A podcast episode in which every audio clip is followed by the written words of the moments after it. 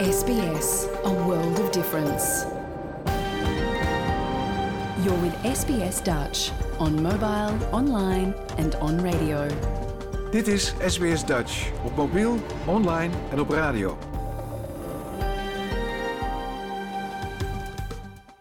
Graag erkennen wij de traditionele eigenaren en verzorgers van het land van waar we vandaag SBS Dutch uitzenden en uiten we ons respect aan de Camaragal mensen van de Kurungay Nation en hun ouderlingen uit het heden en het verleden. Ook kennen we de traditionele eigenaren van alle Aboriginal en Torres Strait Islander landen van waar u vandaag naar ons programma luistert.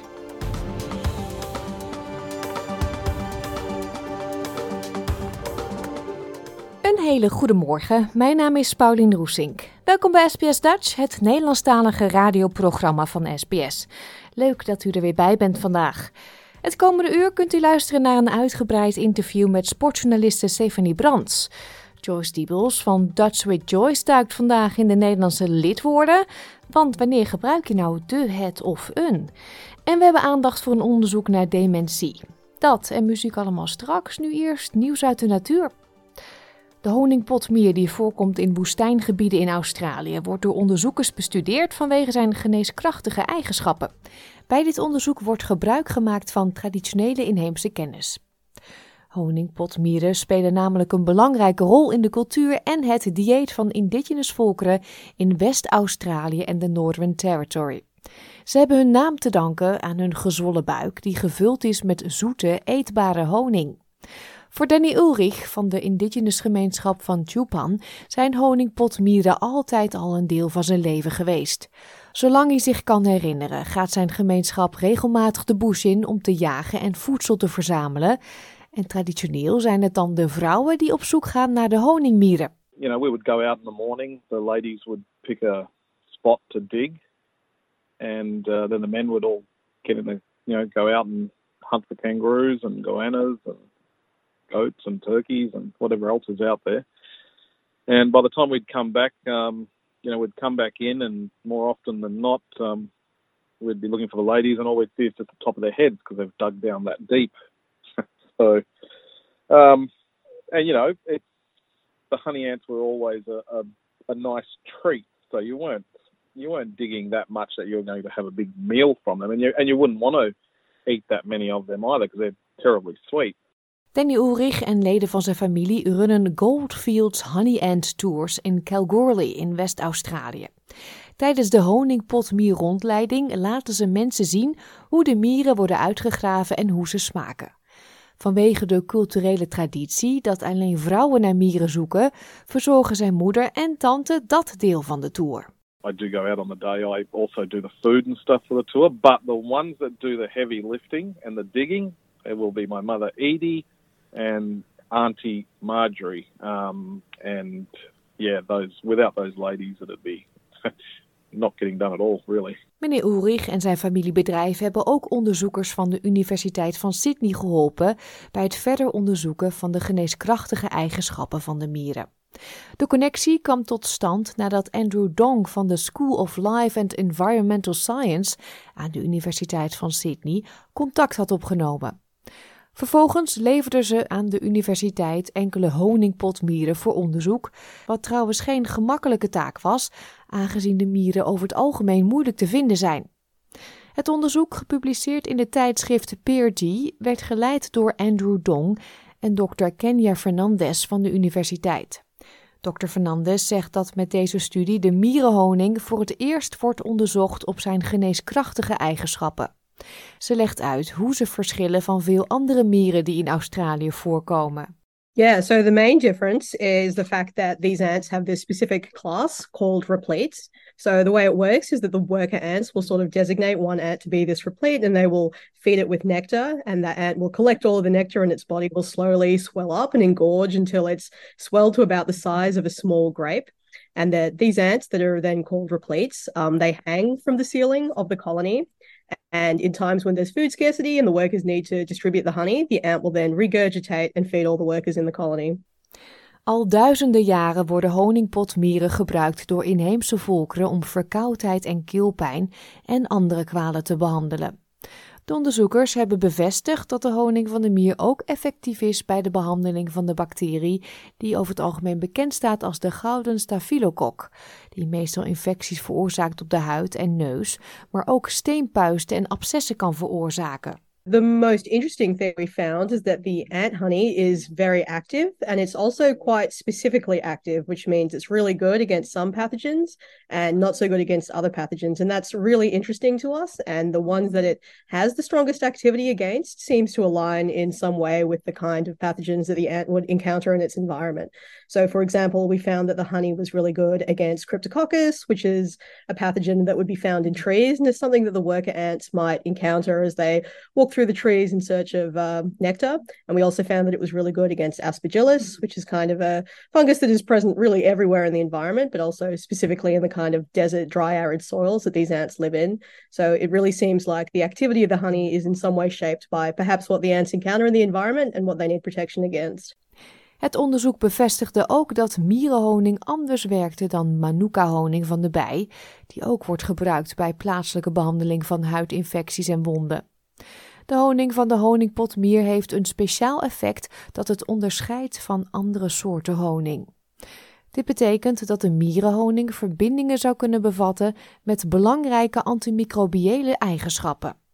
Wat de volgende stap is, valt volgens professor Dee Carter, ook van de School of Life and Environmental Science, nog te bezien. Well, we don't know what the magic ingredient is yet, so we haven't been able to progress that that area of research yet. Um, so no, we don't know if we can, but if um, we would hope that if uh, we were able to de- to determine exactly what it is, that it might be something that we could make, or uh, really our colleagues in chemistry um, could make. Um, but at the moment, we have no idea what it is, so we don't know how how easy or hard that would be. Dit was een verhaal van Peggy Kiagoumelos voor SBS Nieuws in het Nederlands geproduceerd door SBS Dutch. Oh, ik zou dit liedje wel iedere zaterdag willen draaien, maar dat vindt u vast niet zo'n goed plan. Maar zo nu en dan komt hij toch even voorbij. U hoorde zaterdag van Bluff. Stephanie Brandt is een bekende naam onder sportliefhebbers. Wij spraken haar in september toen ze nog half aan het bijkomen was van het WK vrouwenvoetbal in eigen land, waar ze de Matilda's van dichtbij volgde voor Viva TV. We spraken haar vorige maand dus over haar Nederlandse roots en de bijzondere toevallige manier waarop ze in de sportjournalistiek belandde. Ook hadden we het over het succes van de Matilda's en het effect dat dat zal hebben op de vrouwensport in het algemeen. Jouw gemeenschap, jouw gesprek, SBS Dutch. For parents who came from the Netherlands um, in the 60s, they changed their last name, huh? like a lot of Dutch people did, to make it more pronounceable in English. I think that uh, Australians uh, sort of changed their name because they, they looked at it and it was Brants because they say a Harde, not a Bront, that we would say in, in Holland. But also, my father was Hans Brants. And for some reason, they found the Hunts part too difficult, and he became Harry Brandt. So that part was uh, was definitely uh, an Australianization, if you like, of the name. Yeah, that is funny. You were born and bred here, so did you get much of the Dutch upbringing? I got a lot of the food, certainly, which I still love. I have, uh, especially all the sweet things as stroopwafels and the uh, zoute drop and uh, on everything those sorts of things. And uh, c- certainly my, my go-to favorite meals are, are all Dutch. Uh, we picked up a bit of the language because my parents, of course, were trying to assimilate and speak more English, but they would drop into Dutch at home, and, and particularly as we got older, if they didn't want us to understand something. Uh, so, of course, if they're talking about, say, surprises or Christmas presents or things like that, it's a, a very good motivator to start learning Dutch to understand what they're talking about.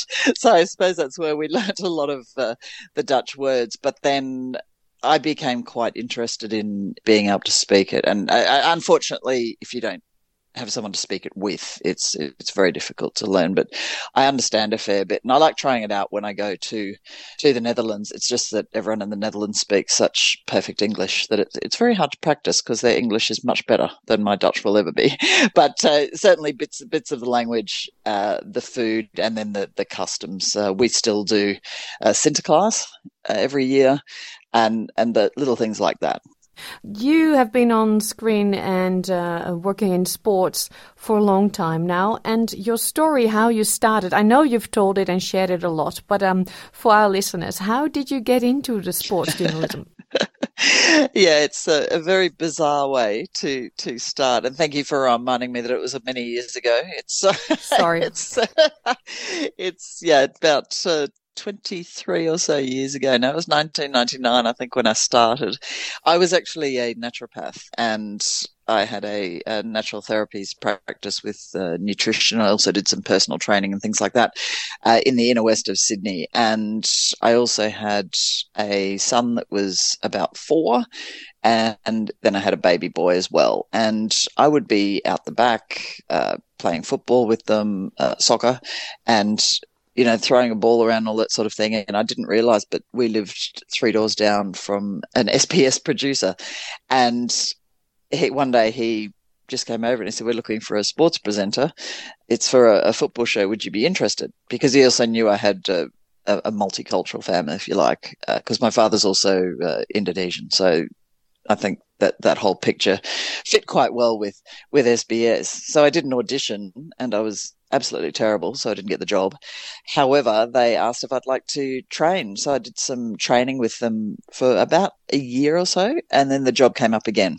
And, that time I got it. And it was really fun. I worked on a show called On the Ball, which was a football show with uh, the late uh, great Les Murray and Johnny Warren, uh, which was quite a privilege to have been able to work with them before they both passed away some years ago now. And while I was at SBS, the Socceroos, the men's national team, qualified for the World Cup uh, for the first time since 1974. So it was 32 years since Australia had been at a men's FIFA World Cup, and everything took off because, of course, then everyone started started watching. I got offered a job at Channel Nine uh, following the World Cup, and I went there for four or five years, and then I went to the ABC, and I was at the ABC for about 10 years, I suppose. And I still contract to most of these places, but uh, I went freelance after that and ended up where I am now. Talking to you. That must have been a big change from like a mother with two young children, and now, um, like, okay, you were in training for a year, but then you were on TV. People were starting to recognize you. It's such a different world. Uh, it was a very different world, and it made for some rather interesting situations, particularly at the naturopathic practice. We did a lot of uh, remedial massage and sports massage as well. And yeah, there was some uncomfortable situation when the World Cup rolled around in, in 2006 and someone was actually came in because they recognize you and, and yeah, it became a little bit awkward. And that's when I sold the clinic. So I ended up selling it, but I did both for about four or five years. Wow. Did you give it a thought when you agreed to do the audition? Like this is going to be so different and it's going to impact the family? Uh, not at all at the time. I'd done many, many years ago, and we're talking now about. Not me saying that now. 35 years ago. Uh, I was doing some modeling. So I'd done a bit of television work and camera work and, and those sorts of things already. So I just thought it sounded like fun. And to be honest, it was much less work than running my own naturopathic business, which was about 14 hours a day. And I had by this time three small children. So it was very, very uh, busy and a little bit chaotic. And the television work ended up being uh, something that fit in much better.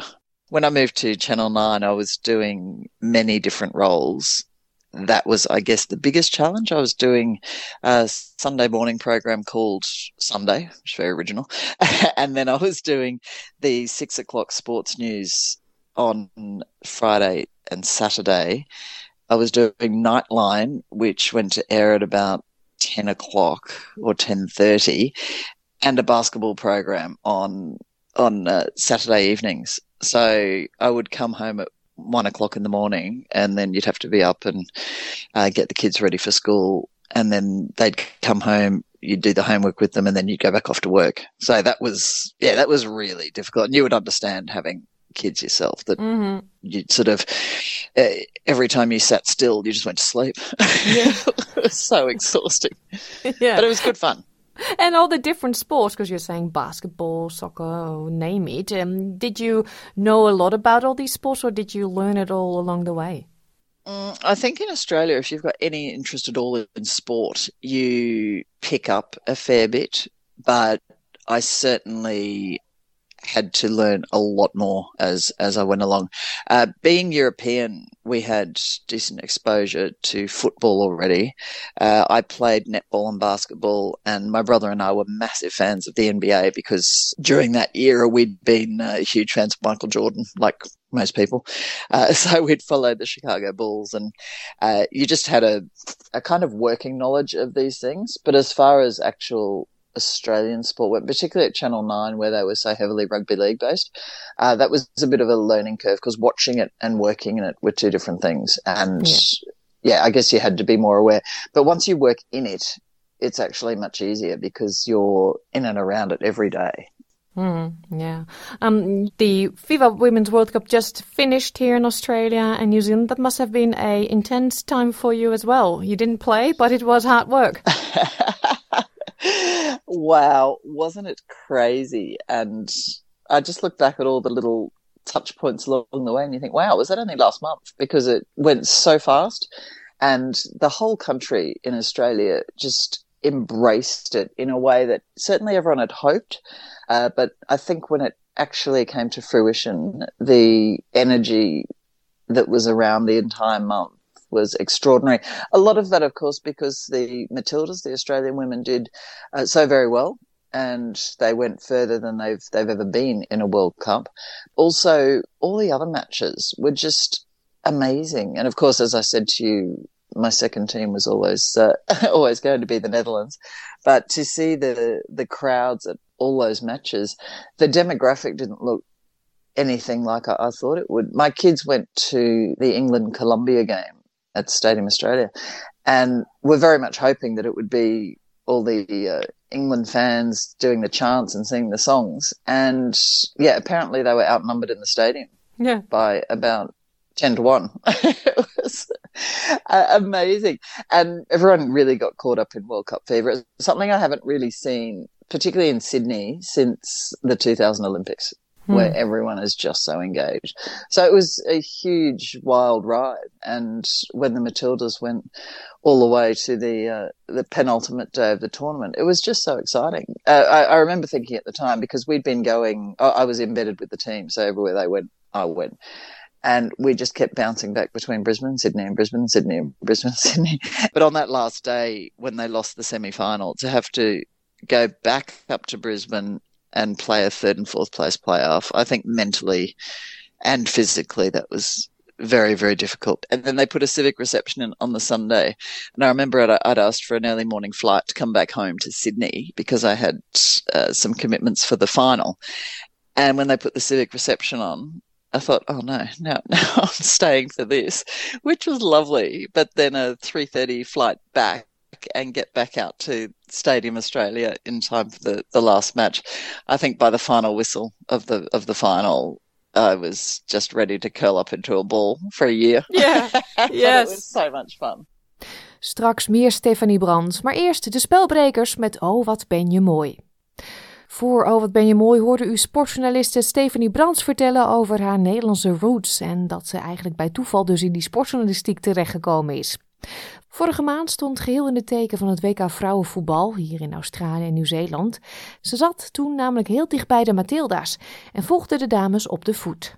Did you feel that the women noticed what was going on in the country? Yeah, absolutely. And and I think they were stunned by the feedback that they got. They were really thrilled with all the support. And I think they fed off that. I think they found that uh, to be something that was really uh, driving them and they could feel the change in the country where pe- people were really getting on board with uh, not just football but with women's sport and and they were so supportive of the Matildas that I, I, think that energy was was in the camp the whole time. I think also a little bit exhausting, particularly for Sam Kerr, who was already a household name before the World Cup, but it just became ridiculous during the World Cup. And then she injured her calf before the first match. And it was all anyone was talking about. So uh, I imagine for her it became a bit relentless. However, for the team, the excitement that they knew that it was a game changer, that this tournament would, would change the way people saw them forever. And, and it certainly has. And it's yeah, I, th- I, think it's something that will be long celebrated. People will remember where they were when Cortnee Vine scored the winning penalty to send them through to the semis and those we sorts were all of things. behind the couch, not able to Yeah. watch like crazy. Oh, was it? It was just so stressful. And I remember because we have a seat, an observer seat, they call it, up where the commentary team sit uh, for the match. So we go up there, and then on 75 or 80 minutes, we need to be downstairs near the tunnel so that we can do all the, the post match interviews. So on that match, uh, the producer from France and I, all the way down, uh, you know, four floors, you get to the interview room, and you, then you're watching on a screen because you can't uh, go outside onto the pitch at that point. And then it went to extra time. So we're back upstairs because you know you've got half an hour. So we went back upstairs, came back down again 20 minutes later. And then it goes to penalties, and we both just went, no, we're not going back upstairs. So we actually walked around to the corner and were able to stand at the edge of the field to watch the penalties. And the video I took at that time was actually facing the other way, just looking at the crowd when Cortnee Vine stepped up. And it's really nice to see on everyone's faces the absolute excitement. It was extraordinary. It was it was super fun. Yeah. I just heard you say, like, oh, it has changed forever. Do you really think it has changed forever? Or was it just the momentum? Because, like the Olympic Games, you know, we're all here, we're experiencing it, we can go to the Games. Um, but now it will be a bit quiet for a while. Well, we have the Olympic Games coming up next year. Hopefully, they will do well, they will qualify. And, uh, do you think this has changed women's sport in general? I think it's changed the perception of women's sport. I think what's changed forever and what I was uh, referring to is the recognition of the Matildas as a brand. Uh, you know, players that people didn't know became familiar names and faces. And I think at the beginning of the tournament, most people could have named one, two, maybe three players. Now everyone is aware of, you know, who Katrina Gorry is, Caitlin Foord, what an amazing talent she is, uh, Mary Fowler, who I think will probably be a superstar for, for many years to come. And it's not just Sam Kerr and her teammates. So I think that has changed uh, significantly, and that that will stay with us. People now know who the Matildas are. They now know much more about the Women's World Cup. As far as football, uh, I think it was an event, and that is always going to be the case where people embrace the event. It doesn't mean that they're going to rock up to an A League women's game and watch watch the domestic game or the men's game. Uh, I think that the football fans will have loved it, and the others embraced the event or the tournament.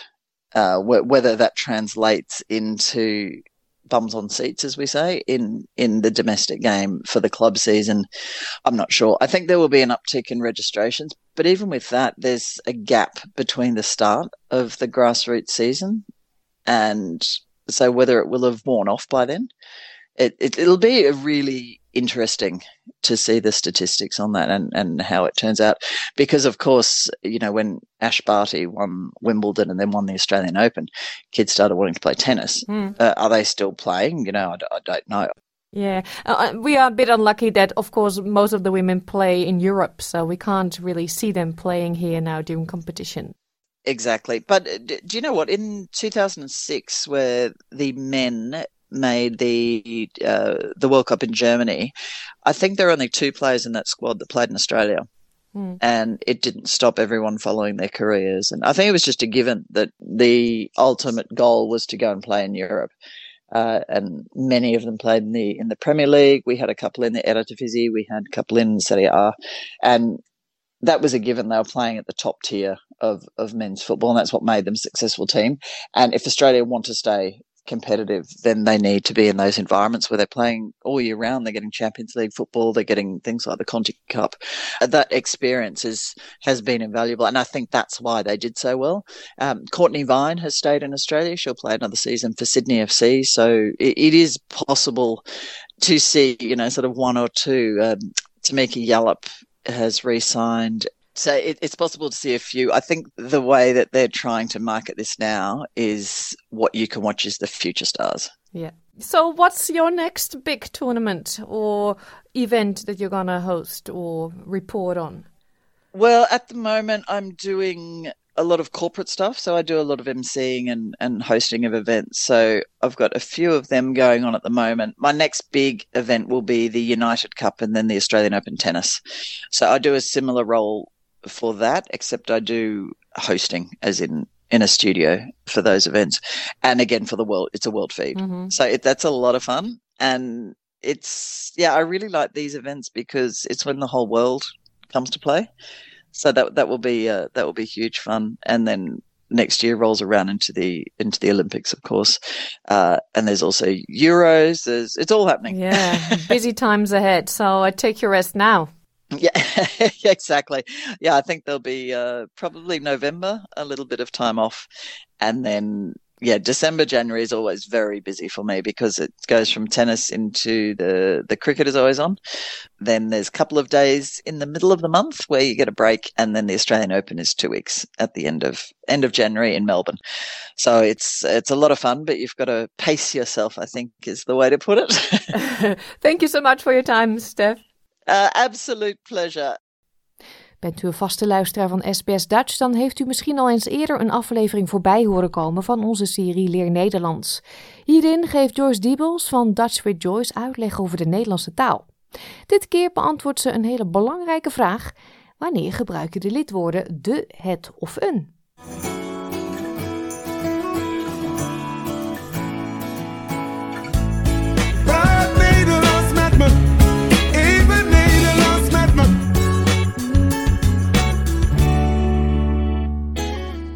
Ik ben Joyce van Dutch with Joyce. Hi, I am Joyce, and today we have another Dutch mini lesson. And this mini lesson is quite exciting because this is a question that I get a lot. How to say the in Dutch?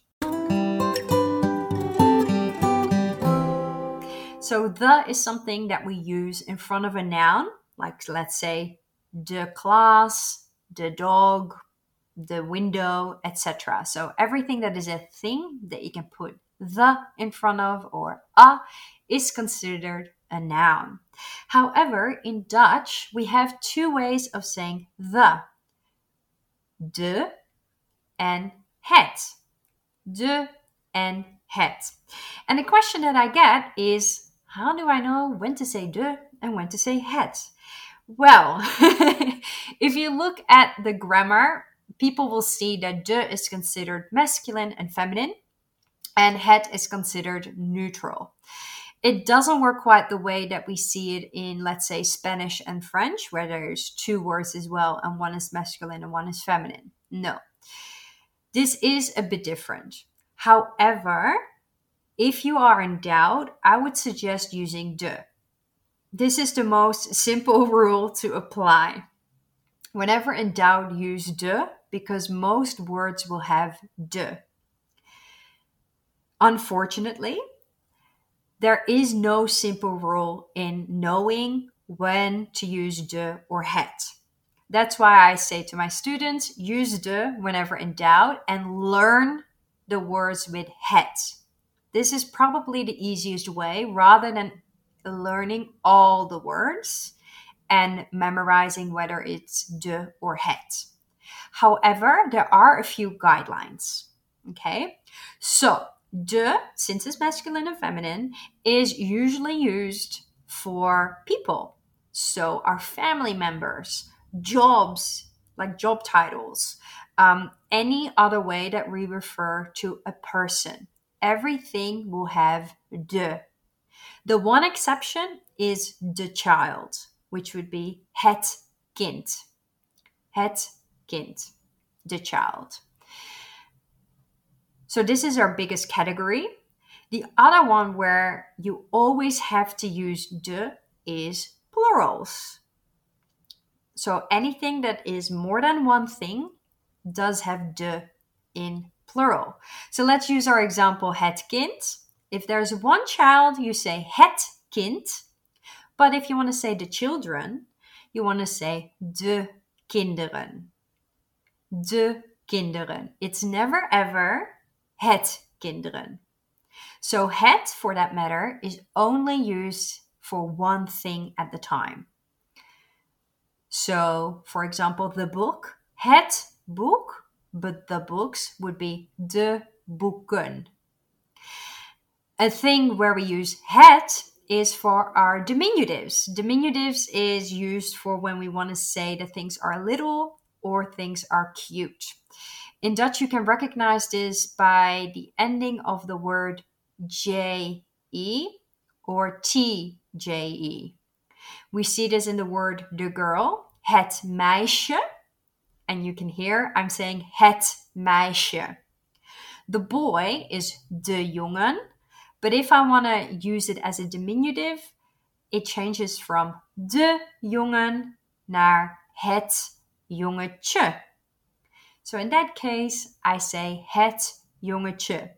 However, if I want to use the diminutive as a plural, so let's say the cute little boys or the little little boys, I would say de jongetjes.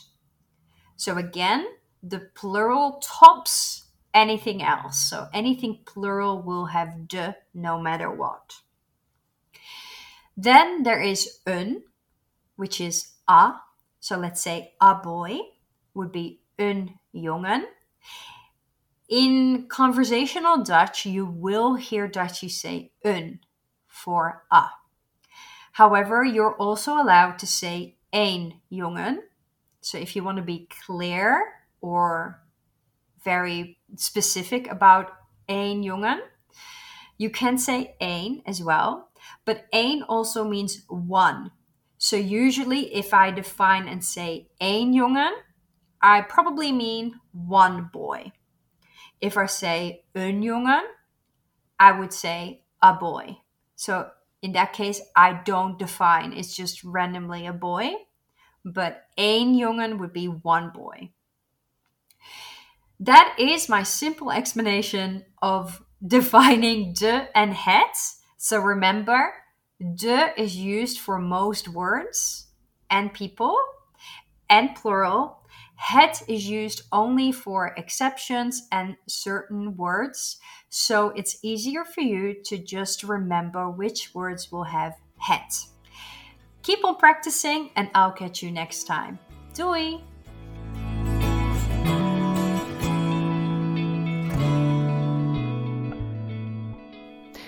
Meer afleveringen van Leer Nederlands en uitleg bij deze les vindt u op onze website www.sbs.com.au/dutch. Dankzij de exotische klanken van Pa Olvidarte kunt u zich de komende minuten even wanen in een heerlijk zomersland. Dit zijn Rolf Sanchez en Emma Heesters. Wat mensen doen op hun zeventigste kan cruciaal zijn voor hun geestelijke gezondheid. Dit concluderen onderzoekers van Monash University op basis van onderzoek naar de risico's van het ontwikkelen van dementie op latere leeftijd. Uit de studie blijkt dat verrijking van de levensstijl direct verband houdt met het verminderen van de risico's op dementie. Maar in tegenstelling tot wat mensen misschien denken, ligt het geheim van een gezond mentaal leven niet zozeer in sociale activiteiten, maar in het aangaan van wat artsen cognitieve uitdagingen noemen. Denk daarbij aan kruiswoordpuzzels of een potje schaken. Professor Joanne Ryan van Monash University, tevens hoofdauteur van het onderzoek, zegt dat het niet altijd voldoende is om de geest bezig te houden. more about um, the types of activities, and perhaps in terms of social activities, it's more around um, the quality of those activities and those engagements rather than the actual quantity and the size of the social network. Dat zijn de cognitief uitdagende activiteiten waardoor mensen informatie beter verwerken, logisch kunnen denken en problemen kunnen oplossen. Onderzoekers verzamelden de gegevens van meer dan 10.000 Australiërs van 70 jaar en ouder, die toen het onderzoek begon nog geen tekenen van dementie vertoonden. Gedurende 10 jaar analyseerden ze de relatie tussen de levensstijl van patiënten en het ontstaan van de ziekte. Ze ontdekten dat deelnemers die regelmatig schrijven en het brein stimuleren door bijvoorbeeld het bijhouden van een dagboek en het maken van kruiswoordpuzzels 9 tot 11 procent minder kans hadden om dementie te ontwikkelen dan hun leeftijdsgenoten. Creatieve hobby's zoals schilderen en meer passieve activiteiten zoals lezen verminderen het risico met 7 procent. Een andere interessante ontdekking is dat de grootte van iemands sociale netwerk en de frequentie van uitstapjes buiten de deur geen effect heeft op het verminderen van het risico op dementie. Professor Ryan zegt dat de bevindingen te maken kunnen hebben met de profielen die onderzocht zijn. So we weren't surprised that um, active mental stimulating activities can help um, promote cognitive um, good cognitive health. Now, the unusual finding was that we didn't find any benefit from engagement in social activities. However, um, we think the reason for this may be that because the participants in our study were already quite um, socially engaged, so, really, what we were evaluating was whether people who had really big net social networks, um, whether that was more beneficial compared to, to moderate or smaller networks. And we didn't find any link there. Maar dat betekent niet dat de sociale interacties niet belangrijk zijn. Dr. Cale Stokes, directeur van Client Services bij Dementia Australia, zegt dat het voorkomen van dementie gaat over een combinatie van gezonde praktijken. We can do lots of things to reduce our risk of developing dementia and that we can focus on keeping our brain healthy in the same way that we focus on keeping our body healthy. So mm-hmm. there's a range of risk factors that we can focus on right across our whole life, and that can actually reduce the risk of developing dementia by up to 40% when you look at all of those different factors combined. So things like having a healthy diet, maintaining a good level of exercise, not smoking, not drinking too much, remaining socially engaged is still a really important factor to reduce our risk of developing dementia. So I think it's important that we think about all of the different things that we can do to reduce our risk.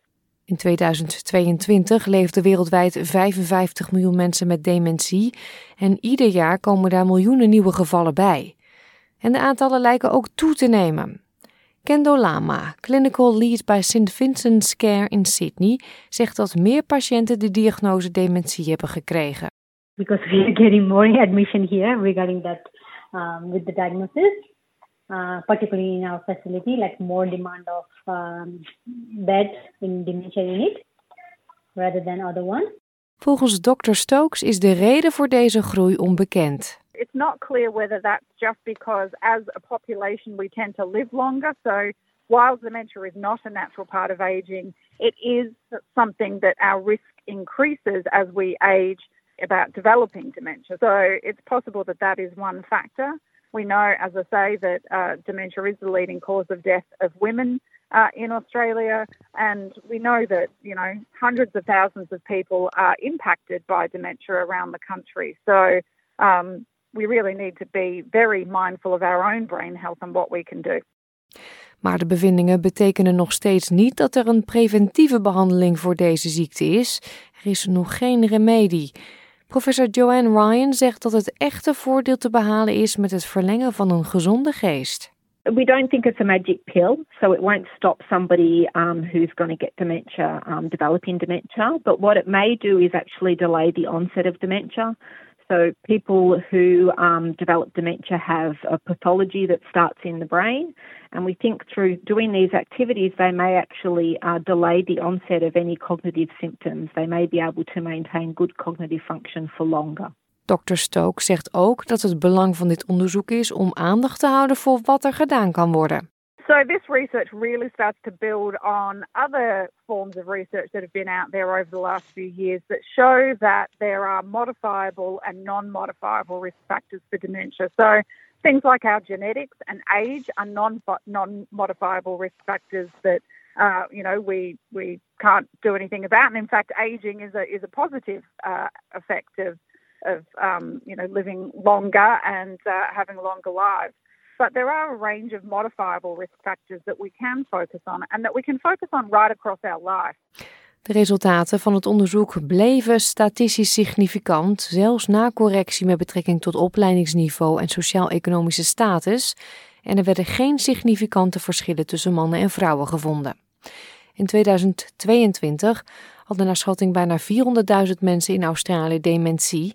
Het geschatte aantal mannen met de dementie stijgt van bijna 100.000 in 2010 tot ruim 300.000 in 2058, zo is de verwachting. En het geschatte aantal vrouwen met dementie stijgt van bijna 200.000 in 2010 tot ruim een half miljoen in 2058. Dit was een verhaal van Adriana Weinstock, gemaakt voor SBS Nieuws en door SBS Dutch vertaald in het Nederlands.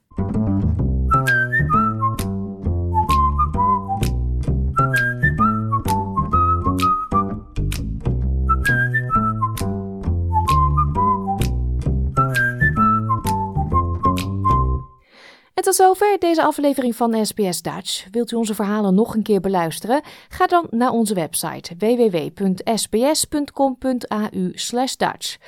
Of u kunt ook de gratis SBS Audio app downloaden voor op uw telefoon of tablet. Dat kan in Google Play of in de App Store. We zijn ook te volgen op Facebook. Ga naar www.facebook.com Dutch. Like, reageer en blijf op de hoogte van ons programma. We sluiten vandaag af met muziek van de Dizzy Man's Band. Dit is The Show. Ik wens u een prettig weekend. Woensdag dan ben ik er weer met een gloednieuwe uitzending. Hopelijk bent u er dan ook weer bij. Dag! Like, deel, geef je reactie. Volg SBS Dutch op Facebook.